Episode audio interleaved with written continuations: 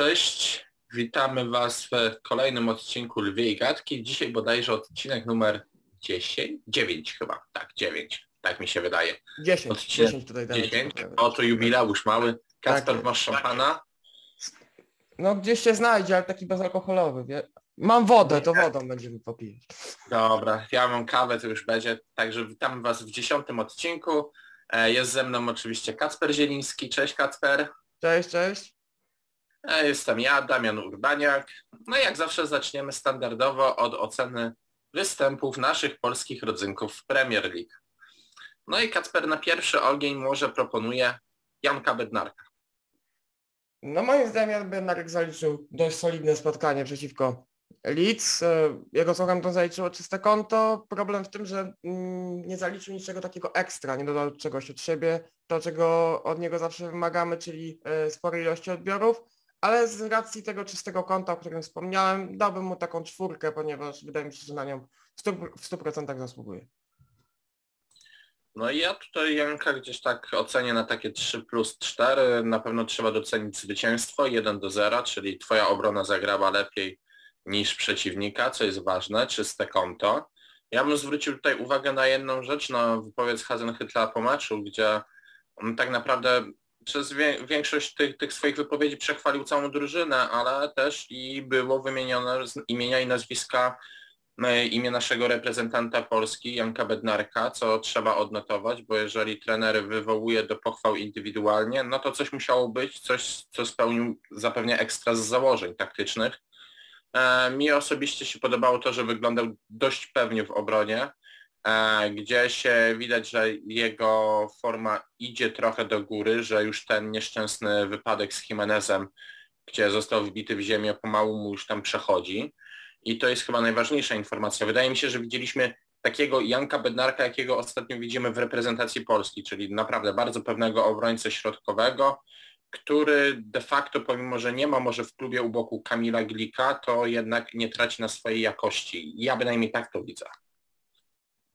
I jeżeli mamy jechać dalej, panie Kacprze, no to jedźmy dalej. Mateusz Klich. Wydaje mi się, że Mateusz po raz kolejny w tym sezonie, zresztą jak cała Leeds zaprezentował się słabo. E, Nie był to występ, który moglibyśmy odznaczyć jako ten e, z kategorii oceny 4 plus 5 mniej, a wręcz przeciwnie, wydaje mi się, że skoro Leeds nie strzela bramek, przegrywa 1-0 po bardzo przeciętym występie, to Mateusza musimy nieco kategoryzować do, tej, do tych zawodników, którzy prezentowali się no, słabiej niż, e, niż reszta zespołu, ponieważ to on odpowiada też poniekąd za tworzenie akcji w ofensywie. Ja oceniam ten występ na dwa, bo wymagam od niego znacznie więcej, tym bardziej jeżeli weźmiemy pod uwagę to, jak ocenialiśmy i jak e, zapowiadaliśmy ten sezon w wykonaniu Mateusza. Czyli taka dwójka, może dwa plus maksymalnie byłoby chyba sprawiedliwą oceną.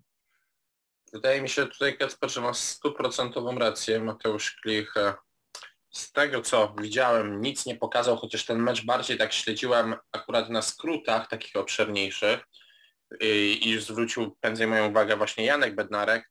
Ja tak sobie odpaliłem jego statystyki, zobaczyłem i on był tam 77 minut na boisku. Tylko ja bym zwrócił uwagę na to, że zagrał 31 celnych podań, z czego to jest tylko 77,5%. Troszeczkę wydaje mi się, że za nisko jak na Mateusza Klicha. E, Zawsze mi się wydawało, że gdzieś operował tam po, powyżej lekko 80 spokojnie, miał tą taką statystykę. Czyli coś tutaj poszło nie tak. Mm, Patrzyłem sobie też dalej na te statystyki i zauważyłem, że było 9 z jego strony pojedynków łącznie, ale tylko 4 wygrał. Być może właśnie gdzieś tego zabrakło. E, takiego po prostu stempla Mateusza, czyli tych podań, tych wygranych pojedynków, takiej jego zwykłej zadziorności w, polu karnym przeciwnika, czy też e, wokół środkowej linii boiska. Dlatego też no, dla mnie to takie 2 plus, bo jednak nie można też całej winy zrzucać na Mateusza. Tam, tam jest po prostu taki szpital, tam grają tacy zawodnicy, że myślę, że Kacper podobnie jak ja nie znasz tam połowy nazwisk aktualnie. I tak co, co można powiedzieć, co, co, co, co sobie spojrzysz na ten skład, to czytasz i mówisz, o, jednak kogoś nowego znam. Dokładnie. Dlatego ta, tak, tak, takie dwa plus, bo, bo, bo, bo, bo ciężko po prostu, nie wiem, dać jedynkę, tak? Gdy, gdyby byli w stroju galowym, można by było dać jedynkę, bo umówmy się, Southampton w tym sezonie no, to nie jest żaden rywal, tak? to jest, no, jeżeli byśmy wzięli to lid z tego zeszłego sezonu i nawet Mateusza z tego sezonu, no to powinien być oklep. Brzydko mówiąc powinien być oklep 3-0 i to Southampton powinno wrócić. A tak to naprawdę można powiedzieć, że Hasenhüttl sobie uratował posadę tym meczem. Też tutaj zwrócę na jedną rzecz uwagę a propos statystyk. Mateusz miał najmniej e, kontaktów z piłką z całej tej trójki środkowych pomocników, e, tych powiedzmy w tej e, linii za Tylerem Robertson, Jackiem Harrisonem i Danielem Jamesem. Jeżeli weźmiemy pod uwagę jego Stewarda Dallasa i Jamesa, Jamesa e, Jamiego, przepraszam, Shackletona. Też warto zwrócić uwagę na to, że wygrał najmniej pojedynków. Miał najmniej To kontaktów i no słabo to wygląda. Miał prawie, miał jedną stratę tylko mniej niż Stuart Dallas akurat, a przy ilości pojedynków jakie się wdawał, no to to i tak 13 strat wygląda słabo, więc no moim No zdaniem pasywny mecz, pasywny występ. dokładnie, zapasywny. No to Kacper, jedźmy dalej. Mm, Łukasz Fabiański. No i tutaj wydaje mi się, że zabrzmi jak nie ja ostatnio, ale dla mnie Łukasz zasłużył tutaj na 5 mniej, albo nawet na całą piątkę, ponieważ y, zachował czyste konto z tak groźnym przeciwnikiem, jakim jest Everton w tym sezonie. Y, czyste konto, mia, Everton miał swoje okazje, więc wydaje mi się, że Łukasz jak najbardziej zasługuje na pochwałę. No i tak jak mówię, muszę lekko swoje słowa odwołać z początku sezonu i naprawdę oddać Łukaszowi to, że po raz kolejny zapisuje się na jak najbardziej plus. No ja tutaj zgadzam się z Kacperem w 100%, nie będę za dużo dodawał. Jeżeli twoja drużyna wygrywa, bramkarz zachowuje czyste konto, a Łukasz jest przecież bramkarzem, no to trzeba chwalić. E, Obronił tam kilka naprawdę fajnych piłeczek, wyciągnął. E, Ten West Ham mógł równie dobrze też stracić tam bramkę, bo gdyby tam się skończył mecz w drugą stronę 1-0, to wcale byśmy się nie zdziwili. E, No naprawdę było to, było to w ogóle bardzo fajne spotkanie do oglądania. Nie wiem, ja miałem wrażenie, że pewnie większość powie, że to co zrobiło Leicester z United, o czym pewnie zaraz porozmawiamy, było lepszym spotkaniem, ale ja tutaj stwierdzam, że paradoksalnie ilekroć sobie włączę w tym sezonie West Ham, to mam wrażenie, że włączyłem sobie mecz kolejki. I, i, i tak to odczułem, że, że, że, że to wyglądało. Na temat Łukasza ja się nie będę rozwodził, bo tutaj Kacper powiedział wszystko. Dla mnie też spokojnie można przyznać piątkę za ten występ. No i Kacper, czy jeszcze nam ktoś tam został, kto, kto wybiegł na boisko? A, Kuba Moder, właśnie. Kuba Moder i Brighton. I Kacper, pozwolisz, że ja tutaj zacznę, bo wie, wiesz, że mi gdzieś tam te Brighton jest bliższe. I ja powiem tak. Występ średni tak samo jak całej drużyny, ponieważ e, no umówmy się, patrząc na to z kim oni grali, a grali z Norwich, no to strata tych punktów to jest zwycięstwo Norwich, porażka Brighton. I tak trzeba to rozpatrywać. E, Dla mnie osobiście nic tam Moder nie zrobił ekstra, nie dał nic, y, żeby dać kolejny sobie argument i trenerowi przy okazji, że w następnej kolejce to on powinien wyjść w pierwszym składzie. Dlatego dla mnie dwuja, podobnie pasywny występ jak w przypadku e, Mateusza Klicha. Ja tam za dużo szału nie widziałem. Nie wiem jak ty Kacper, może oglądaliśmy dwa inne mecze. Ciężko się z tobą nie zgodzić, ponieważ tutaj Moder akurat wystosował tylko 38 podań, fakt faktem 36 celnych, co daje 95%, ale no tak jak mówię, jeżeli weźmiemy pod uwagę na całą linię pomocy Brighton, no tutaj Moder miał ty- 50 kontaktów z piłką, Pascal Gross miał 83, Adam miał 100, więc to słabo to wygląda nawet na tle e, kolegów z drużyny. Dla mnie Moder, tak jak powiedziałeś, wymagamy od niego czegoś ekstra, tego, że dołoży asystę, czy nawet będzie e, miał jakikolwiek udział przy, przy jednej z bramek, których no, niestety w tym meczu zabrakło na Brighton. Mm, Dla mnie, tak jak mówisz, pasywny występ i więcej do tego już nie dodam. Też wystawię jakieś 2-2 plus, ponieważ dla mnie na więcej Kuba zwyczajnie nie zasłużył. Tym bardziej, że jeżeli weźmiemy pod uwagę to, że Norwich to jest jednak ostatnia drużyna w tabeli. Ja tylko mam tutaj jedną uwagę, bo wydaje mi się, że ta trójka, Moder właśnie Lalana, co wymieniłeś, Pascal Gross, oni za bardzo nie mogą grać razem, bo ja mam wrażenie, że tam każdy sobie wchodził w drogę. Dokładnie. E, że tam naprawdę brakowało właśnie kogoś takiego jak Bisuma, który albo by stan, prawdopodobnie by stanął po prostu za nimi i by było, nie wiem, Bisuma, Moder, Lalana, tudzież e, Bisuma, e, Gross, e, mm, Moder, tak by to wtedy wyglądało. A tutaj to miałem wrażenie, że każdy chciał troszeczkę mieć tę piłkę, trochę chciał ją przystemplować, a, a paradoksalnie z tych stępów właśnie nic nie wychodziło. Ja bynajmniej miałem takie odczucia. Co tylko warto podkreślić w przypadku Kuby, no bo jeżeli zgadniliśmy Mateusza Klicha za 77% dokładnych podań, to trzeba pochwalić Jakuba za 94,7. To jest bardzo dobry wynik. Za to można pochwalić i tylko za to. Czyli no dobra, ja podniosę z dwójki na 3 minus. Niech będzie.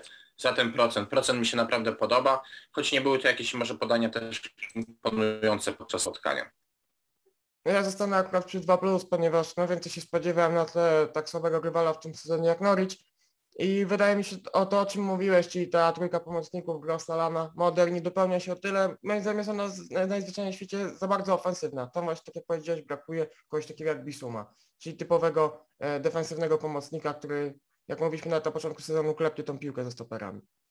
Dokładnie, tak jak mówisz. I teraz no, musimy chyba zanim przejdziemy do takich tematów meczowych, e, porozmawiamy sobie ch chyba chwilę Kacper, bo musimy to oddać do Newcastle. E, pojawiają się nowi szejkowie. E, ja nie chcę się rozwodzić na temat, czy to dobrze, że tacy szejkowie akurat kupują ten klub, czy nie, ze względów moralnych, etycznych, jak to woli. Ja bym chciał porozmawiać tutaj bardziej o aspekcie sportowym i zadziwiają mnie ludzie, powiem Ci, którzy mówią, że na pierwsze trofeum Newcastle poczeka 10 lat. No nie, no bo Chelsea nie czekała 10 lat, City nie czekało 10 lat. To trofeum raczej przyszło dość szybko, zwłaszcza w przypadku Chelsea. City chyba tam czekało chyba z 3 czy 4 sezony. Ale tak, tak, także tutaj wydaje mi się, że Newcastle spokojnie w ciągu 5 lat wygra przynajmniej Puchar Ligi Angielskiej. Bardziej mnie ciekawi, w jakim Kacper pójdzie kierunku budowa drużyny, bo e, jak sobie przypominam konferencję tej pani, która będzie zarządzać tym klubem, ja nie pamiętam jej z imienia i nazwiska, to bardzo mi się podobało jedno, że tam nie padło zdanie na zasadę kupujemy wszystkich najlepszych i budujemy sobie gwiazdozbiór, tylko tam ma najpierw powstać ośrodek, ma jakaś być akademia porządna, czyli to ma być takie bardzo zdrowe, zdrowe budowanie klubu i e, to na pewno trzeba pochwalić. To mi się podoba w tą stronę. Jednak e, tutaj przede wszystkim chyba najważniejsze, co czeka ten Newcastle, zanim ono pójdzie po jakikolwiek sukces, to transfery zimowe, bo ja śmiem twierdzić, że jeżeli tam nie zostaną dokonane jakieś solidne wzmocnienia z solidnymi ligowcami, to po prostu Newcastle spadnie z hukiem i szejkowie będą budować klub od zera, ale w Championship, a nie w Premier League. I to jest chyba największe zmartwienie. E, co, co poza tym, no jeżeli byśmy mieli nawet y, robić y, jakieś opakowanie tej drużyny, no to wokół kogo ją budować? Czy ściągać gwiazdę, czy promować takiego Sand Maxima na gwiazdę? Bo ja osobiście bym był za tym, żeby to Francuza gdzieś promować, e, jako że był jeszcze przed erą szejków, tak? Gdzieś to połączyć, to wokół niego to zacząć wszystko budować. I tak sobie myślę też, jaki trener mógłby przyjść do budowania tego. Znaczy to jest trochę dziwne akurat to, o czym mówiłeś, poruszono na konferencji prasowej, e, fakt, że jednak będą zaczynać tą budowę od podstaw, tak, czyli wybudowania ośrodka. Wydaje mi się, że to się wszystkim kojarzy jednak ze sprowadzaniem młodych zawodników, zawodników, których e, niekoniecznie będziemy e, od razu utożsamiać jako gwiazdy. Mm, mi się wydaje, że najwięcej nam powie letnie okienko transferowe w 2022 roku, ponieważ tak jak wspomniałeś, okienko zimowe nie będzie aż tak weryfikacyjne dla Newcastle, nie będzie aż tak weryfikacyjne tego projektu, e, dlatego że będą musieli się wzmacniać prawdopodobnie solidnymi ligowcami, żeby się tylko w tej lidze utrzymać. E, następny sezon natomiast w lato już będą mieli wystarczająco dużo czasu, aby poukładać drużynę, aby znaleźć trenera, który sklei to w całość, w monolit. E, ile to potrwa zanim Newcastle będzie pierwsze trofeum, tego nie wiem. Ciężko mi ocenić, ponieważ zależy, czy mówimy o trofeum pokroju właśnie tak jak wspominaliśmy wcześniej Puchar Ligi, czy e, tak jak, e, nie wiem, chociażby wygranie Ligi Angielskiej, czy co może być bardzo ciężkie w obecnych czasach, czy, czy nawet Ligi Mistrzów. Ale wydaje mi się, że pieniądze w Newcastle są aż tak duże i ten projekt może być aż tak potężny, że zatrudnią najlepszych piłkarzy, jakich, jakich jacy są dostępni na rynku. Przynajmniej ci, którzy będą chcieli, się, chcieli przyjść do tego klubu, którzy się skuszą. Ale nie uważam, żeby to był projekt, który auto, z automatu zacznie kupować najlepszych piłkarzy, typu e, w lato 2022 roku zobaczymy 7-8 piłkarzy klas światowej, którzy przychodzą do Newcastle. Ja bym e... chciał w ogóle tutaj przerwać i zwrócić uwagę na jedno, bo jestem ciekaw jak to będzie organizowane. No bo jeżeli masz tutaj Kacper, ok, mamy wielkie miasta, mamy Monachium, mamy Londyn, tak, mamy Madryt, mamy bądź co bądź Barcelonę, mamy Paryż, mamy Mediolan, Juventus To są wszystkie wielkie miasta i jestem ciekaw, czy pieniądze de facto będą naprawdę dla tych największych aż takim czynnikiem, żeby mieszkać w takim mieście jak Newcastle? Bo to generalnie, jeżeli chodzi o obszar Anglii, to jest dość bogata i uboga część Anglii, ta, ta północna, paradoksalnie. Tam de facto w tym mieście, oprócz klubu, tam nie ma nic więcej. Tam, tam, tam ciężko. Tam jest naprawdę jeden fajny widok, bo są fajne klify. Nie wiem, czy oglądałeś Kacper ten film Gol. E, tam właśnie ten Santiago Muniz, piłkarz w pierwszym e, sezonie, sezonie, Boże, w, pierwszej edycji mieszkał tam, tam się rozwijał, tam stawiał pierwsze kroki i tam, tam ten film naprawdę, jeżeli ktoś nie widział, to warto obejrzeć, bo mniej więcej tam od tego czasu nakręcenia tego filmu nic się nie zmieniło i to jest czynnik, który mnie najbardziej ciekawi, czy właśnie szejkowie już nie są tego świadomi, że będzie im bardzo ciężko przekonać tych najlepszych piłkarzy, żeby przyjść do takiego miasta jak Newcastle grać, że po prostu no, nie będą chcieli sobie sami ulepić tych piłkarzy. Jeżeli zaś chodzi o te wzmocnienia, to ja bym nawet paradoksalnie nie szedł wzmocnienia tam przodu czy środka pola. Tam trzeba po prostu kupić dwóch naprawdę solidnych obrońców i być może bramkarza. I utrzymanie jest gwarantowane. Wydaje mi się, że Steve Bruce choćby nie, nie wiem, nawet nie wyleciał z tego klubu przed końcem sezonu, to on ten klub utrzyma. Bo, bo, bo to jest człowiek, który raczej rzadko spada z ligi. Pokazał to też w zeszłym sezonie, że klub potrafił wyciągnąć za uszy, więc ja bym akurat tutaj no, był spokojny, ale warunek, no dwóch, dwóch obrońców trzeba kupić, bardzo solidnych. Już Ci zwracam głos. Znaczy, tak jak mówiliśmy o tym, że szejkowie nie od razu będą kupować najlepszych, tak e, nieco właśnie ci najlepsi piłkarze mogą mieć lekką zrazę w porównaniu do tego, jeżeli e, wezmą e, na, na, na tapet projekt PSG i projekt Newcastle. Chodzi mi głównie o to, że najlepszy piłkarz, nawet młody, jakby chociażby Erling Haaland, idąc do takiego Newcastle, musi liczyć z tym, że z tego klubu już prawdopodobnie nie odejdzie. Bądź też odejdzie dopiero po końcu kontraktu 4 czy 5-letniego. E, czyli ci najlepsi przechodząc do tego klubu muszą mieć to gdzieś w głowie. E, ja uważam jednak, że trochę to jest dziwne, ponieważ e, na początku na konferencji prasowej Newcastle mówi się o tym, że jednak będzie klub budowany od podstaw, będzie właśnie stawiany nowy ośrodek, a potem oficjalnie Jose Mourinho przyznaje się, że dostał ofertę z Newcastle. To jest trochę sprzeczne ze sobą, bo nie wiem jak właśnie ten projekt postrzegać. Mi się wydaje, że tak jak mówię, najwięcej powie nam letnie okienko transferowe, chyba że właściciel y, czy osoba zarządzająca wcześniej uchylą nam rąbka tajemnicy. Może w zimowym okienku już ujrzymy Coutinho w biało-czarnej koszulce, ale to też nie jest jeszcze pewne. Trzeba czekać na nowe informacje, bo sam jestem ciekaw tego projektu. Pytanie tylko, czy wypali, bo tutaj jest wiele czynników y, składających się na to, że może, może być z tego fiasko, to o czym mówiłeś, chociażby infrastruktura w Newcastle, jak to wszystko wygląda, nie wiem, czy piłkarze się skuszą, ale mam nadzieję, że z tego wyjdzie fajny i ciekawy projekt, bo to zawsze kolejny zespół do rywalizacji o, o Mistrzostwo Anglii. Zawsze liga będzie ciekawsza. Wiadomo, jak mawia klasyk, liga ciekawsza zawsze będzie, jak tak będzie więcej silnych drużyn. Ehm, przejdźmy sobie dalej, no i nie ukrywam, że gdzieś zajmiemy się teraz tym, co nas czeka już w najbliższej kolejce ligowej, czyli e, klasyczną bitwą Anglii pomiędzy United a The Reds. I Kacper, zacznijmy sobie może od tematu takiego naj, najpierw chwalebnego, nie ukrywam, czyli Mosalach, tak? Um, dla mnie osobiście zgadzam się z Klopem. Chyba najlepszy piłkarz na ten moment na świecie. W lidze to na pewno. Na świecie śmiem twierdzić, że lepszego też nie ma.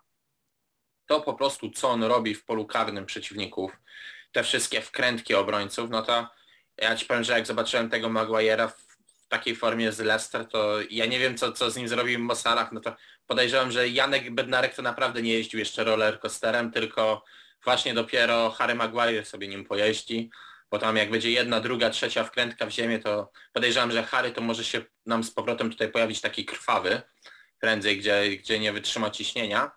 Ale tak już wracając do Mosalacha, to powiem Ci, że jeżeli on utrzyma tą formę, a wydaje mi się, że jest piłkarzem, którego na to stać, to ja już widzę Liverpool co najmniej w dwójce na koniec sezonu. Nie wierzę, że oni spadną nawet na trzecie miejsce. Tam znowu zaczyna działać nie tylko sam Salah, ale znowu działa Mane. Znowu działa Firmino, czyli trójgłowy smok w natarciu. Tam znowu Gegenpressing sprawia im przyjemność, jak biegają. I śmiem twierdzić, że bardzo dużym faworytem na starcie przed meczem jest Liverpool. Osobiście śmiem twierdzić, że Mo Salah może być tym, który zwolni Solskiera po tym meczu, bo umówmy się, jeżeli e, Liverpool wygra to spotkanie 3-4-0, a taki wynik jest bardzo prawdopodobny patrząc na formę obu drużyn, no to ja nie wiem, czy kibice mimo wszystko, którzy chcą jeszcze ole in, ole in, nie powiedzą po takim meczu z takim rywalem dla nich bardzo ważnym, ole out. I tutaj będzie trzeba dokonywać zmiany. A ty Kacper, co sądzisz na ten temat? Znaczy, jeżeli chodzi o samego Salaha, to się zgadzam w 100%. Wydaje mi się, że to jest aktualnie najlepszy piłkarz na świecie e, ofensywny. Moglibyśmy go porównywać z Robertem Lewandowskim, lecz moim zdaniem takie porównywania, porównania nie mają sensu, ponieważ Robert gra w mniej wymagającej lidze i, i na nieco innej pozycji, tak? Bo jednak to jest e, nominalna dziewiątka, Salah to jest skrzydłowy, ale Momo jest takim piłkarzem, który może zmienić e, przebieg spotkania w każdej chwili Robert nieco mi odbiega od tego, od tego stwierdzenia. Egipcjanin jest chyba najlepszym piłkarzem obecnie na świecie, na pewno w lidze, tak jak powiedziałeś. I to jest w końcu 10 bramek i 4 asysty w 10 spotkaniach w tym sezonie. To samo to robi wrażenie. Jeżeli mówiliśmy o tym, że ten pierwszy sezon Salaha 17-18 e, był nieprawdopodobny i on sam zasługiwał na złotą piłkę, tak ten może być chyba najlepszym w jego dotychczasowej karierze. I ciężko będzie go zatrzymać Manchesterowi United. Co do samego Manchesteru, mam cichą nadzieję, że Salah to będzie tym, który zwolni Solskiera, ponieważ e, w miarę lubię tego piłkarza i też mam mieszane uczucia co do samego tego meczu. E, ciężko mi sobie wyobrazić inny scenariusz niż szaleńcza dominacja Liverpoolu i chyba tak właśnie to najlepiej nazwać. Mm, to będzie ciężkie spotkanie dla Manchester United. Czy to będzie takie spotkanie przełomowe? No o tym się dowiemy też tak naprawdę po środowym meczu z Atalantą, ponieważ Nagrywamy te, te, ten podcast przed środą. Jeszcze nie znamy e, wynik, e, wyniku z zespołem Bogini, tak? Więc zobaczymy jak to będzie, ale tak naprawdę jeżeli tutaj Solskjaer straci punkty z Atalantą i straci punkty z Liverpoolem po sromotnej porażce, to ja nie widzę argumentów, które miałyby obronić Torwega. Dla mnie to tak jak mówiliśmy w zeszłych podcastach e, i tak jak Michał Budka wspomniał odcinek wcześniej, to jest taki dobry bridge manager, tak? Czyli człowiek, który postawił most przed tym, co było, przed tym, co było złe z Josem Mourinho, a przed tym dobrego, co będzie. I możemy być mu wdzięczni za budowę takiej kadry, ale nie uważam, żebyśmy powinni, powinni go dalej trzymać w tym klubie, ponieważ widzimy, że on nawet sam nie ma pomysłu i wychodząc na konferencję prasową też ciężko wydiagnozować, jak, jak widzieliśmy u Czesława Michniewicza, to odczucie po meczu z Lechem, to średnie. Tak e, widzimy po właśnie tym mm, ostatnim starciu z Leicester, że no nie fajnie to wyglądało. Nawet na sam, w samej mimice i w samych wypowiedziach Olegu Narasolskiego, więc nie widzę innego, innego, innego scenariusza jak wysoka wygrana Liverpoolu i zwolnienie Solskiera. Ja bym chciał jeszcze tylko dodać e, do naszej tej dyskusji o Momo i Ole trzy właściwe sprawy. Pierwsza, Salah wyrównuje rekord Daniela Staricza w klubie, czyli trafia w ośmiu kolejnych spotkaniach z rzędu minimum jedną bramkę co jest bardzo ważne, jeżeli chodzi o skalę lokalną dla tego klubu. Drugie, Momo Salah zdobywając bramkę w meczu ligowym z, z poprzednim rywalem, czyli z Watfordem, bo o tej kolejce rozmawiamy, strzelił 104 bramkę w lidze, która daje go na równi z Didierem Drogbą i jest w tej, obaj są w tej chwili najskuteczniejszymi zawodnikami z Afryki, którzy grali na wojskach Premier League. To też trzeba podkreślić. E, a co do Solskiera, to chciałbym jeszcze dodać mm, takie zdanie, które padło po meczu z Leicester. On został zapytany, czy dla niego to jest kryzys i czy mu się zapala już jakaś lampka. A on powiedział, że ta lampka to już mu się zapaliła dużo wcześniej i że on sobie zdaje sprawę z tego, że United kiepsko wyglądają, no to ja tylko nie wiem, gdzie są tutaj jakieś wyciągane z tej lampki wnioski, bo no to wygląda coraz słabiej. Tym bardziej, że ja miałem wrażenie, że jak ten mecz się rozpoczął, to to jest taki idealny mecz dla Solskiera, bo o ile można powiedzieć, że Liverpool słynie z gegenpressingu Jurgena Kloppa, Manchester e, City słynie z, z tysiąca i jeszcze więcej ilości podań w wykonaniu swojej pod batutą Guardioli. E, drużyna Tuchela słynie z, no, z niesamowitych wahadeł i pomocników box to box, tak? Tak, Solskiera pamiętam bynajmniej jeszcze z zeszłego sezonu, jako tego trenera i Manchester United, z drużyn, które umiały operować bardzo ładnie i kreować sobie przestrzeń. I to był ta, było takie spotkanie otwarte. I mam wrażenie, że pomimo tego, że to było otwarte i jakby Manchester United dostał pole na takie, którym się czuje najlepiej, to nic z tego nie wyszło. To po prostu był dramat, chociaż śmiem twierdzić, że może by tego dramatu nie było, gdyby na boisku nie był Harry Maguire. Być może, bo dla mnie tak naprawdę cztery bramki są na jego konto. I nie wiem, czy bym nie zaryzykował tego, o ile już będzie zdrowy Varan i będzie mógł grać, żeby grał Varan Lindelof, a Harry 2, 3, 4 mecze na ławkę rezerwowych, żeby chłopak odpoczął, bo ja mam wrażenie, że on na ten moment jest najsłabszym ogniwem tej drużyny. Już nawet nie Fred tylko właśnie Harry Maguire. Jeżeli weźmiemy pod uwagę wyjście Mendelasa, też jest to, że Harry jest najsłabszym ogniwem. Mm, to jakie błędy robi, to jak jest surowy technicznie, nie zmienia się od dobrych kilku kolejek, od nawet od dwóch lat surowość techniczna Maguire'a dalej stoi w miejscu, w jakim stała. Dla mnie, tak jak powiedziałeś, y, środek obrony Lindelof-Varan wyglądałby dużo lepiej, z racji tego, że to by pozwoliło na o wiele bardziej jakościowe rozgrywanie piłki i wydaje mi się, że na o wiele pewniejszą defensywę, bądź co bądź, jeżeli nawet weźmiemy pod uwagę poczynienia Lindelofa na przestrzeni e, tych kilku lat, od których, których, e, od których jest w Manchesterze i e, jakość Warana, jaką daje, to wydaje mi się, że ta obrona by robiła o wiele mniej kiksów niż, niż do tej pory, a widzieliśmy w ostatnim e, starciu z Lisami, że jednak Harry Maguire, to głównie on winił przy tych bramkach, tak? To głównie on nie potrafił nie dość, że e, stworzyć tej defensywy, stworzyć z niej monolitu, to w dodatku jeszcze przy kryciu popełniał takie błędy, że człowiek się łapał za głowę i mówił, co ten człowiek jeszcze robi na boisku, tak? No i tutaj jest właśnie pytanie, czy w ogóle tutaj nie powinna zajść zmiana ustawienia, bo ja śmiem twierdzić, że Solskier ma naprawdę bardzo fajne karty, żeby zagrać na trójkę z tyłu, bo nawet okej, okay, załóżmy, że ten Maguire niech zostanie e, w tym pierwszym składzie, no to wystawiając, nie wiem, patrząc na to, ja nie liczę teraz Varana, który, który po prostu nie grał w ostatnim meczu, ale gdyby to spróbować ustawić, że Juan Bissaka z Maguirem i z Lindelofem ustawić w trójce, dorzucić kogoś na prawe wahadło, a z tego co wiem jest tam z kogo wybrać na to prawe wahadło, bo, bo jest kilku kandydatów. E, na lewym ci pozostaje Luka Show, no to e, można, można by było śmiało spróbować. Ja w ogóle mam wrażenie, że o, dopóki Ole Gunnar Solskjaer nie spróbuje w ogóle jakiejkolwiek zmiany w systemie gry, to on nie zrobi kroku do naprzód, ewentualnie jeżeli zrobi, to i tak będzie stał w rozkroku i w następnej kolejce nastąpi e, powrót do wyjściowej pozycji, z której startował, bo on jest za bardzo przywiązany do tego swojego ustawienia i ja mam wrażenie, że piłkarze niektórzy się w nim źle już czują.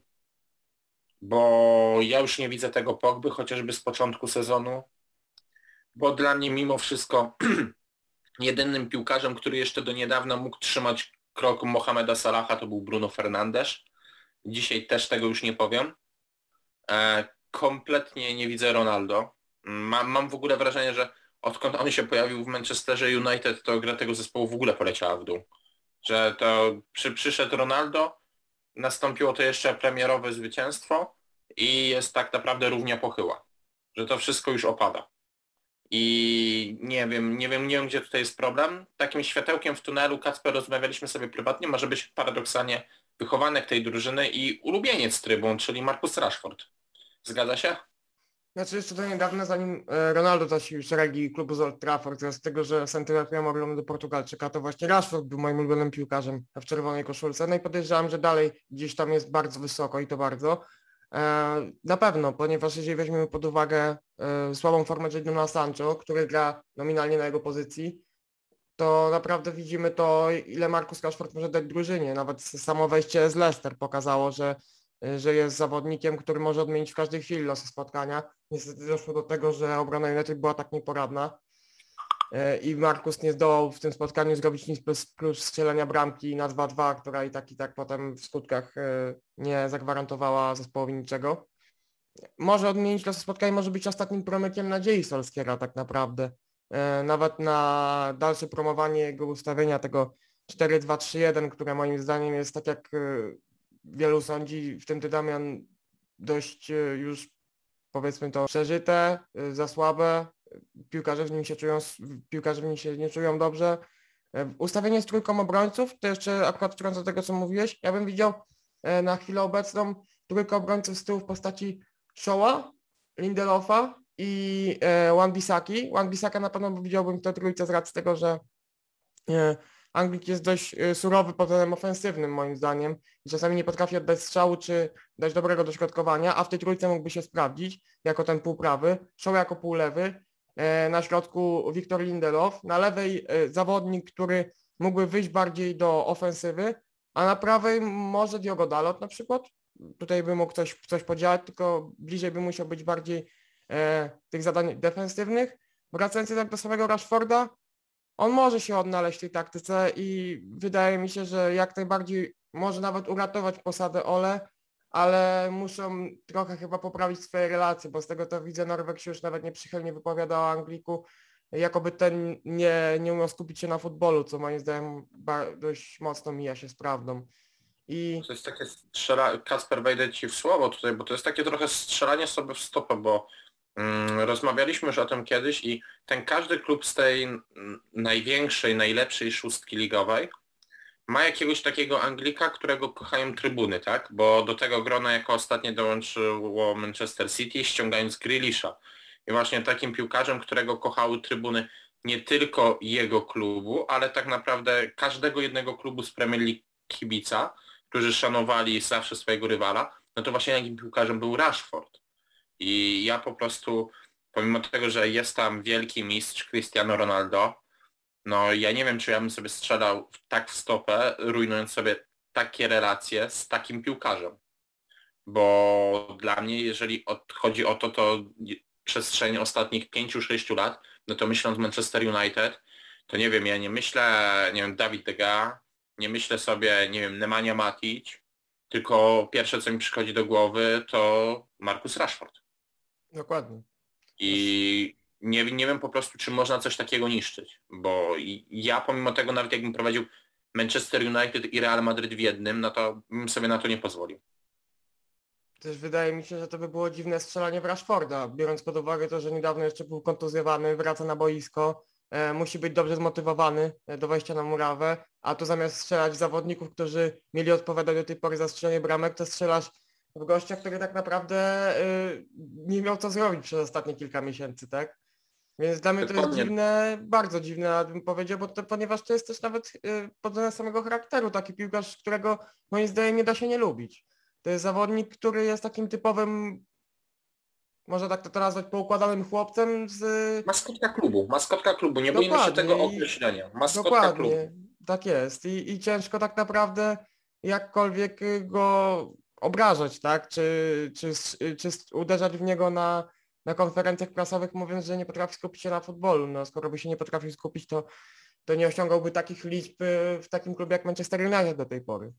A Więc powiedz mi, a, a może to jest tak, Kacper, że Ole to trochę już tak tu traci pod kontrolą, no bo na, dla mnie najlepszym przykładem osobiście jest tak, taka sytuacja, że przychodzą powołania do reprezentacji Anglii, przychodzi zgrupowanie i Jadon Sancho, no, który gra piach, e, żwir i Bóg wie co jeszcze, jedzie na kadrę tylko po to, i to było można wyczytać z wypowiedzi Garetha Southgate'a, po to, żeby się odbudować na kadrze.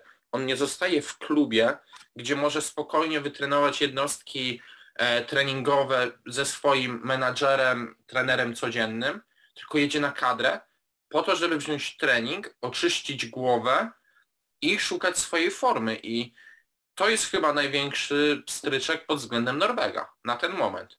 Bo jeżeli, jeżeli dochodzi do takich sytuacji, no bo nie wiem, ja sobie nie wyobrażam sytuacji takiej, że e, idźmy reprezentacją Polski, tak? Że, że mamy takiego piłkarza jak Piotr Zieliński, on gra powiedzmy piach w Napoli i teraz Paulo Sousa go powołuje tylko po to, żeby on sobie, nie wiem, potrenował z reprezentacją Polski, bo tam się odbudowuje. No przecież to, to jest sytuacja rodem z Monty Pythona, no. Czy, czy- czyli coś, co jest niemożliwe. Bo jeżeli nie masz formy, nie jedziesz na kadrę. Jeżeli dochodzi do takiej sytuacji, zwłaszcza w tak bogatym kraju pod względem skrzydłowych pomocników, napastników, jakim jest Anglia, no to coś jest nie halo. Tak jest, a jeżeli chodzi o to samego Jadona Sancho, to ja mam mieszane odczucia odkąd dołączył do Manchesteru, ale i ja dalej uważam, że owszem Anglik wygląda słabo na boisku, ale to też ma swoją przyczynę z tego powodu, że no jednak Borussia osiągał liczby takie, których y, wszyscy spodziewali się, że przełoży na Premier League. Ja myślałem o tym, że ta weryfikacja będzie trwać dość, dość długo, ale jak, jak, jako takie e, asyst też czasami gola dorzuci. Ja mam wrażenie, że po prostu Ole nie potrafi korzystać z tego potencjału ofensywnego i to jest, y, nawet był taki obrazek, gdzie Ole Gunnar stoi za e, jakby za kierownictwem takiego robota, który jest złożony właśnie z tych wszystkich piłkarzy ofensywnych i, i nie potrafi z niego korzystać. Taka jest prawda, że ciężko to jakkolwiek e, nazwać inaczej jak e, głupotą menadżera, bo inaczej moim zdaniem tego, tego określić się nie da. Dokładnie, bo ja jeszcze tutaj tak, tak tylko, ale to już tak z przymrużeniem oka. Gdyby Ole prowadził Newcastle, no to jakby tamci kibice już by mu powiedzieli, co trzeba zrobić. Trzeba się spakować, dostałby porcję solidnych gwizdów, tak jak dostaje to Steve Bruce, pomimo tego, że dla mnie on tam robi fantastyczną robotę, patrząc z czego szyje, no to tak, tacy właśnie kibice z Newcastle by się przydali właśnie dla Ole, żeby on chyba w końcu coś zrozumiał, bo te trybuny też, e, które są bardzo za Norwegiem, mam wrażenie, że na ten moment bardziej szkodzą temu zespołowi niż mu pomagają. Ale właśnie Kacper jeszcze zostańmy przy tym spotkaniu, bo nie ukrywam, że dzisiaj pastwimy się i rozmawiamy głównie o tym klasyku. Dlatego pytanie, które możemy tak poboczne wrzucić do naszej dyskusji, czy zobaczyliśmy Leicester, które wraca do formy po tym spotkaniu? Bo ja mam po prostu wrażenie, że Lisy zagrały to, co w sumie chciały i ten najcwańszy, najstarszy list Jamie Vardy no po prostu wykorzystał tego Harego Maguire'a jak takie biedne dziecko, naiwne. I dlatego jest taki wynik i dlatego jest wygrana, bo tak to ja bym nie powiedział, że Leicester nagle odżyło, dostało super formę. Tam, tam tak naprawdę de facto, patrząc nawet na tym meczu z Legią, no to pomysły były podobne w rozegraniu piłki, chociażby tak, okej, okay, ktoś powie, no ale Tileman strzelił piękną bramkę, no on strzelił, strzelił ją choć taką też chociażby w finale Pucharu Anglii z Chelsea, tak? Czyli gdzieś można powiedzieć, no nowe mechanizmy w tej drużynie nie zaszły. Ta defensywa dalej jest też dziurawa, tylko no po prostu oni mieli Jamiego Wardiego, który jest chytry, który jest cwany, a Manchester United był po prostu bezzemny, dlatego strzelił te bramki mniej i, i wydaje mi się, że to jest ca cały Leicester. Nie wiem jak ty to widzisz. Znaczy ja uważam, że Lisy miał sporo szczęścia w tym spotkaniu i tego się, od tego stwierdzenia się nie da uciec. Czy to jest taki mecz na przełamanie? Na pewno może być dobrym e, fundamentem motywacyjnym dla zawodników na resztę kolejek, ale tak jak powiedziałeś, ciężko dostrzec coś nowego w grze Lisów i nie zdziwię się jak w następnej kolejce już e, nie będzie tak kolorowo, już nie będą prezentowali się tak fajnie. E, można było się nieraz uśmiechnąć widząc Jamie'ego Wardiego cieszącego się z gola, czy, e, czy nawet tą bramkę Tillemansa, ale tak jak mówię, w tym było sporo szczęścia i ja jestem bliżej stwierdzenia, że to nie Leicester było fantastyczne, tylko United było piekielnie słabe. I może o tyle, tak jak mówię, to może być fundament motywacyjny, ale niekoniecznie taki typowy, taka typowa podwalina pod E, suk resztę sukcesu na przestrzeni całego sezonu. To nie będzie e, coś, e, w którym, to nie będzie moment, w którym się zmieni taktyka Leicester na pozostałą część tych rozgrywek. Zgadza się. I Kacper, nie ukrywam, ostatni już poboczny temat i zamykamy temat klasyku. Virgil van Dijk. Czy on jest większym kluczem na ten moment niż Mo do sukcesu Liverpoolu? Czy to jest piłkarz, który paradoksalnie powinien być na ustach zamiast e, egipskiego faraona? Czy, czy to jest po prostu najlepszy obrońca na świecie i nie bójmy się tego słowa używać? Mm, znaczy z jedną tezą się zgadzam, z drugą nie. E, z drugą jakoby, że to jest najlepszy obrońca środkowy na świecie, powiedziałbym, że tak, bo jest moim zdaniem w lepszej formie na chwilę obecną niż Ruben Diaz e, i, i chyba to jest tak jakby portugalski jest największym konkurentem dla, dla Holendra. Ja bym właśnie wymienił Wardzila jako E, najlepszego środkowego obrońcy na świecie, zważając jeszcze na to, że ciągle kontuzjowany jest Sergio Ramos w tym roku i chyba już Hiszpana trzeba odstawić gdzieś, e, gdzieś dalej w tej e, klasyfikacji. Zasłużona legenda. dokładnie. I dla mnie Virgil jest najlepszym środkowym obrońcą na świecie, ale to jednak Monsalah jest wyżej w tej hierarchii w tym zespole. Virgil robi fantastyczną robotę w obronie, potrafi podać, dać prostopadłe podanie idealne niemalże do nogi do reszty zawodników E, prosto z obrony, ale nie uważam, żeby powinien być stawiany wyżej w tej hierarchii niż Salah, jak już mówiliśmy wcześniej. e, Momo jest chyba naj, najlepszym piłkarzem obecnie na świecie, więc ciężko, żeby Holender był, był nad nim w tej hierarchii. Ja tutaj, jeżeli chodzi o Virgila van Dijk'a i tą dyskusję o najlepszego obrońcę, ja bym chyba gdzieś mimo wszystko włączył w tą dyskusję, ale to z czystej sympatii, nie ukrywam, e, chyba Antonio Rudigera jeszcze na ten moment do tej dyskusji, bo ja mam wrażenie, że z nim zawsze Chelsea wygląda te 20-30% lepiej. Um, ja też oczywiście nie widzę go wyżej w hierarchii niż Momo Salaha, ale musiałem się Ciebie o to spytać. E, dla mnie Virgil van Dijk, e, to też mówił Michał Gutka, ja też od dłuższego czasu mówię, to jest taki idealny, prawdziwy szef. Bo o ile wcześniej wymieniłeś Sergio Ramosa, no to Sergio Ramos miał coś takiego, że on od czasu do czasu umiał złapać tą czerwoną kartkę, tak zwanie się podpalić, umiał y, popełnić jakiegoś kiksa, a Holender jest jak maszyna. Jego tak naprawdę, jak sobie zaprogramujesz, to on tak wygląda. Rzadko kiedy znajdziesz u niego indywidualny błąd. On zawsze ma chłodną głowę, jest opanowany. E, mi się zawsze podoba to, że jak mamy mecze Liverpoolu i czasami są, nie wiem, sytuacje do spięcia i tak dalej, patrzę zawsze jak reaguje na to wszystko Virgil van Dijk. Go nigdy w dyskusji z sędzią nie ma, ewentualnie jeżeli się pojawia, to jest od tego, żeby zabrać swoich kolegów. I na tym się kończy jego dyskusja. I to mi się podoba cholernie. Ja mam wrażenie momentami, że to jest takie przedłużenie ręki trochę klopa na boisku, gdzie też musi być ekspresja, bo Holender cały czas krzyczy, cały czas rozstawia swoich kolegów. To było zwłaszcza słuchać w poprzednim sezonie, kiedy nie mieliśmy jeszcze kibiców na trybunach, jak grał przed kontuzją na początku sezonu. To było widać, że to on jest tym liderem, to on rozdziela te, te role, ale jedyny kamyczek do ogródka, który można złożyć Van Dijkowi, to mam wrażenie, że jeżeli on trafia na zawodnika, który jest w stanie z nim bardzo dobrze powalczyć o główkę skutecznie i ten zawodnik przechytrzy Holendera dwa, trzy, trzy razy, to Holender się robi bardzo łatwy do przestawienia w powietrzu. Że tak jakby tracił pewność siebie. I to jest chyba taki tylko jedyny zarzut, który ja mogę postawić właśnie jemu. No i Kacper, zamykając tą dyskusję, nie bójmy się, w końcu jesteśmy świetnymi ekspertami. Jaki będzie wynik spotkania klasyku, czyli bitwy o Anglii? 3 do 0 dla Liverpoolu. No dobra, to ja muszę być troszeczkę bardziej optymistyczny dla Ole. To ja powiem 3-1. Tą jedną strzeli Ronaldo. Niech, nie, niech mu będzie. E, I zamykamy w ten sposób temat już klasyku, nie będziemy do niego wracać. Kacper, ostatni temat, który mamy w dyskusji naszej, z tego co sobie spoglądam, no to Wolverhampton i Tottenham. I teraz tak, zacznijmy sobie może od tego Wolverhampton, bo drużyna Bruno Larza naprawdę zaczyna robić postępy. Można powiedzieć, że od przyjścia tego Huanga tam naprawdę coś się zaczęło dziać z przodu przede wszystkim. Dochodzi pomału do zdrowia i podensę.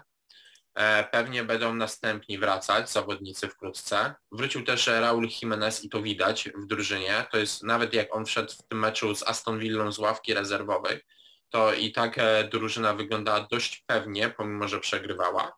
I teraz moje pytanie jest takie, czy stać ich w ogóle na doszusowanie do ósemki pierwszej i utrzymanie tego do końca sezonu, Kasper?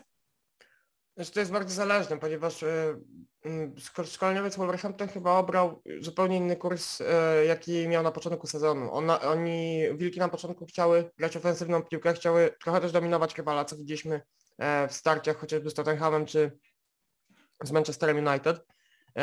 Te ostatnie zwycięstwa jednak były bardziej ze wskazaniem na ich rywali niż na, samych, na same Wilki.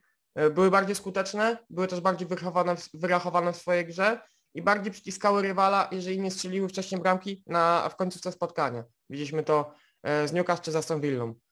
E, wydaje mi się, że byliby w stanie, jeżeli dalej będzie ten pragmatyzm działał, bo mówiliśmy o pragmatyzmie, pewnie zaraz też powiemy o Tottenhamie. E, tak teraz chyba znowu będzie ta odgrywana ta sama rola, co za kadencji Nuno Espirito Santo Wolverhampton.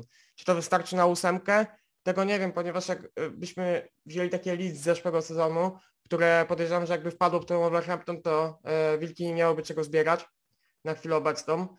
E, to ciężko mi cokolwiek powiedzieć, czy oni są w stanie być w tej ósemce. Podobnym zespołem też pod tym względem jest Brentford, chociaż mi się wydaje, że podopieczni Tomasa Franka są bardziej ofensywną drużyną mm, i w stanie być konkurować też z Wolverhampton.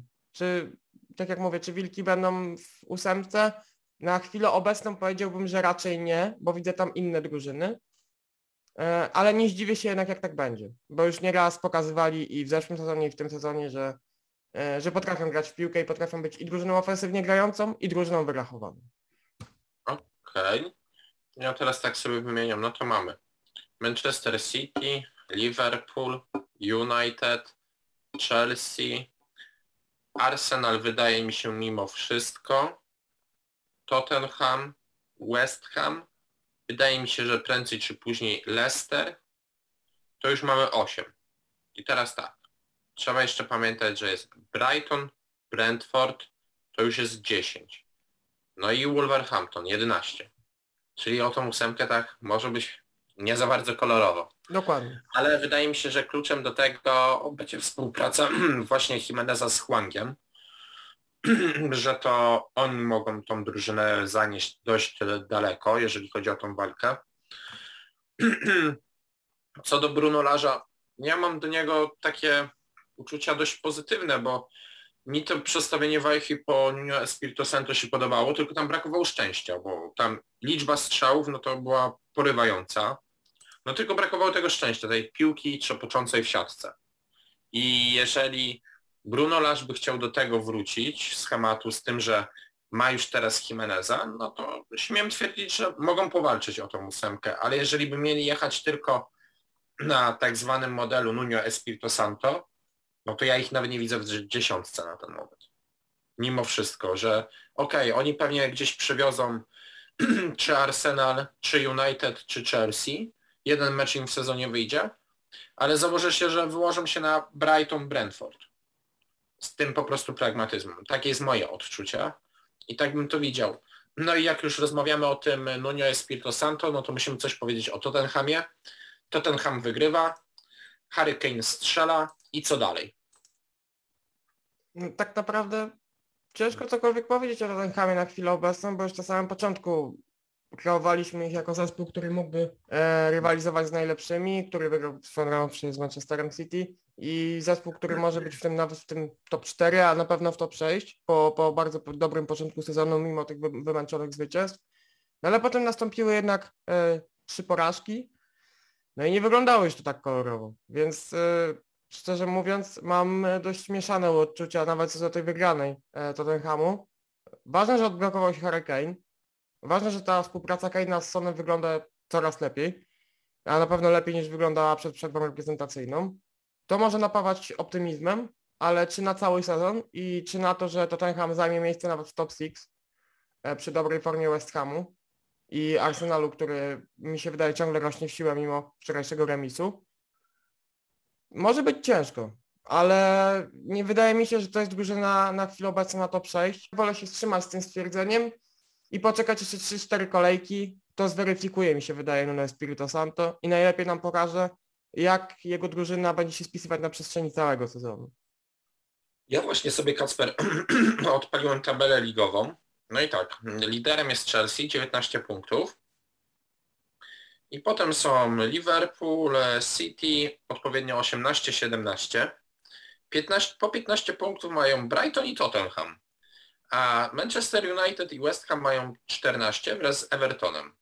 No i to, to jest takie trochę, aż można powiedzieć irracjonalne, bo przecież jeszcze dwie kolejki temu to my w ogóle Nuno Espirito Santo, my, cała Anglia i pół świata zwalniało, tak? Gdzie chłopak dostał dopiero co w sierpniu nagrodę menadżera miesiąca i to chyba najlepiej pokazuje skalę potencjału Tottenhamu, czyli drużyny, która będzie falować, e, która będzie łapać lepsze i gorsze momenty. Jeżeli Harry Kane strzelając tą bramkę, on faktycznie się odblokował, przełamał i w końcu zrozumiał, że jest skazany na Tottenham, jeżeli Tottenham i Daniel Levy nie otrzymają za niego konkretnej kwoty, no to być może będzie jakaś nawet stabilizacja formy, ale jeżeli tych bramek właśnie Harego Kane'a będzie brakować, no to będzie to drużyna falująca, która załóżmy przegra z Brentford, wygra z Brighton. No i tak, tak to wtedy będzie wyglądał ten sezon w ich wykonaniu. Takie jest moje odczucie, jeżeli o to chodzi. Wydaje mi się, że taką prawdę o Nuno Espirito Santo i o tym projekcie poznamy jeszcze nie w tym miesiącu, tylko dopiero po następnym okienku reprezentacyjnym, kiedy już nie ukrywajmy, zbliżymy się do czasu newralgicznego w lidze, czyli grudnia, gdzie przyjdzie zagrać naprawdę kilka szybkich, wymagających kolejek i weryfikacja prawdopodobnie nastąpi pod koniec sezonu i okaże się, czy Nuno Espirito Santo z okazji nowego roku może wypić lampki, lampkę szampana, czy raczej powinien sobie strzelić szota no, bimbru albo wódki na pożegnanie, tak? E, wtedy, wtedy, wtedy wszystko się wyjaśni. No i tym samym Kacper przebrnęliśmy przez wszystkie tematy. Czas oczywiście na standardowego plusa i minusa kolejki. No i ja ukrywam, pozwolę Tobie pierwszemu. Ja już Ci zabiorę, mi się wydaje, kandydata. Dla mnie plusem kolejki będzie Edouard Mendy. E, za to, co robił w bramce e, w spotkaniu z Brentford, to było niesamowite. E, pięć wybron samego, samych strzałów z pola karnego. Uratował Chelsea wynik i tak naprawdę gdyby nie on, The Blues mogliby stracić punkty. Wydaje mi się, że to właśnie bramkarz Chelsea był najlepszym zawodnikiem tej kolejki, mimo hat Roberta Firmino. A największym minusem kolejki, no to tutaj wybiorę Harego, ale nie Harego Keina, tylko Harego Maguire'a, no bo to o czym mówiłem Ach, wcześniej. Harry. Dokładnie. No straty były aż za duże. Tak nie powinien grać kapitan United. I to jest mi się wydaje największy minus tej kolejki. Wyjątkowo inny Harry i mam, i mam nadzieję, że ostatni raz go wybieram jako minusa kolejki, no ale niestety muszę to zrobić. No dobra, nie ukrywam. Plusa mi akurat nie zabrałeś. O. Myślałem o tym, ale nie zabrałeś. E, Ale doceniam, że tak naprawdę gdyby nie Mendy, to tych trzech punktów by nie było. Nie ukrywam, że zabrałeś mi minusa i to mnie troszeczkę boli, ale znalazłem sobie w sumie szyb, na szybko innego i pozostanę w Twoim klubie. I wybieram Cristiano Ronaldo, ponieważ mam wrażenie, że odkąd on jest w tej drużynie, to ta drużyna przestała działać. Jakby wszystko zostało rozregulowane, a Portugalczyk też za bardzo nie daje nic od siebie takiego, żebym uwierzył, że z nim będzie lepiej. Mam wrażenie, że jakby usiadł na ławce, to prędzej będzie lepiej. Po prostu dla mnie na ten moment Cristiano Ronaldo jest bez formy, jest cieniem i jest mu bliżej do zawodnika, który pomimo, ja wiem, że on chce, ale sprawia to wrażenie, taki obraz patrzenia na to, że raczej przed odcinać sobie kupony na Old Trafford niż sięgać po trofea. Jeżeli zaś chodzi o plusa, no to nie mogę wybrać inaczej, no, no bo nie, no bo jeżeli chłopak wyrównuje osiągnięcie Didiera Drogby, jeżeli wyrównuje rekord Daniela Staricza, no to to musi być Mohamed Salah, a wahałem się pomiędzy Jamim Bardem, jeżeli o, to, o mnie chodzi najbardziej, bo gdzieś jednak jego bramki pozwoliły na wygraną United, ale wracając do Mo, Mo Salaha, no skoro mówimy o najlepszym piłkarzu na świecie na ten moment, a na pewno najlepszym w lidze, no to trzeba to po prostu docenić i on musi dostać tego plusa kolejki. I no innego typu nie widzę i właśnie tak jak powiedziałeś o tym minusie o Maguire'ze, ja powiedziałem o tym Ronaldo, no to tak sobie myślę, no Mohamed Salah przegrał finał Ligi Mistrzów z Ronaldo, jeszcze kiedy ten grał w Realu, więc okazja do rewanżu i wbicia United w ziemię, no, no, no powiem Ci, że mecz dla Mohameda Salaha jak znalazł, on lubi takie duże spotkania, on lubi się tam zabawić, więc może upiec tam naprawdę tyle pieczeni na jednym ogniu, bo tam jeszcze jest i rekord do poprawienia i tak dalej, więc no ja, ja tam widzę Egipcjanina naprawdę mocno, mocno nakręconego w tym spotkaniu. Ja liczę I tylko, teraz- że bramki Salaha w tym spotkaniu, o ile takie padną, uruchomią proces zatrudnienia pewnego Francuza na Old Trafford, więc No ja akurat powiem, że zostawiam nawet Mohameda Salaha na kapitanie w fantazy Premier League na tę kolejkę, więc wierzę, że tam strzelanina będzie, trochę sobie chłopak pokręci Maguire'em. No i tak jak rozmawialiśmy, wszystko mamy zaliczone, panie Kacprze. Także ja bardzo serdecznie dziękuję. Był oczywiście ze mną współprowadzący, współgłównodowodzący Kacper Zieliński. również Ci dziękuję Damian i mam nadzieję, że będzie Wam się podobać ten odcinek. Tak, byłem też ja, Damian Urbaniak. E, Następnym razem postaramy Wam się zaprosić jakiegoś gościa. Nie ukrywam, mieliśmy mieć gościa, ale mm, no, pe, pe, pe, pewna osoba nam się wysypała na ostatnią chwilę, więc e, usłyszycie tylko naszą dwójkę. I słyszymy się oczywiście za tydzień. Mm, Jeżeli macie jakiekolwiek sugestie, tudzież e, pomysły, jak powinniśmy urozmaicić nas, nasz program, no to oczywiście zostawiajcie nam komentarze każde łapki, każde suby dla Igola, czy też dla naszego podcastu na Spotify będą dla nas na wagę złota. No i życzymy Wam udanego oglądania przede wszystkim klasyku. Także do usłyszenia już za tydzień. Cześć.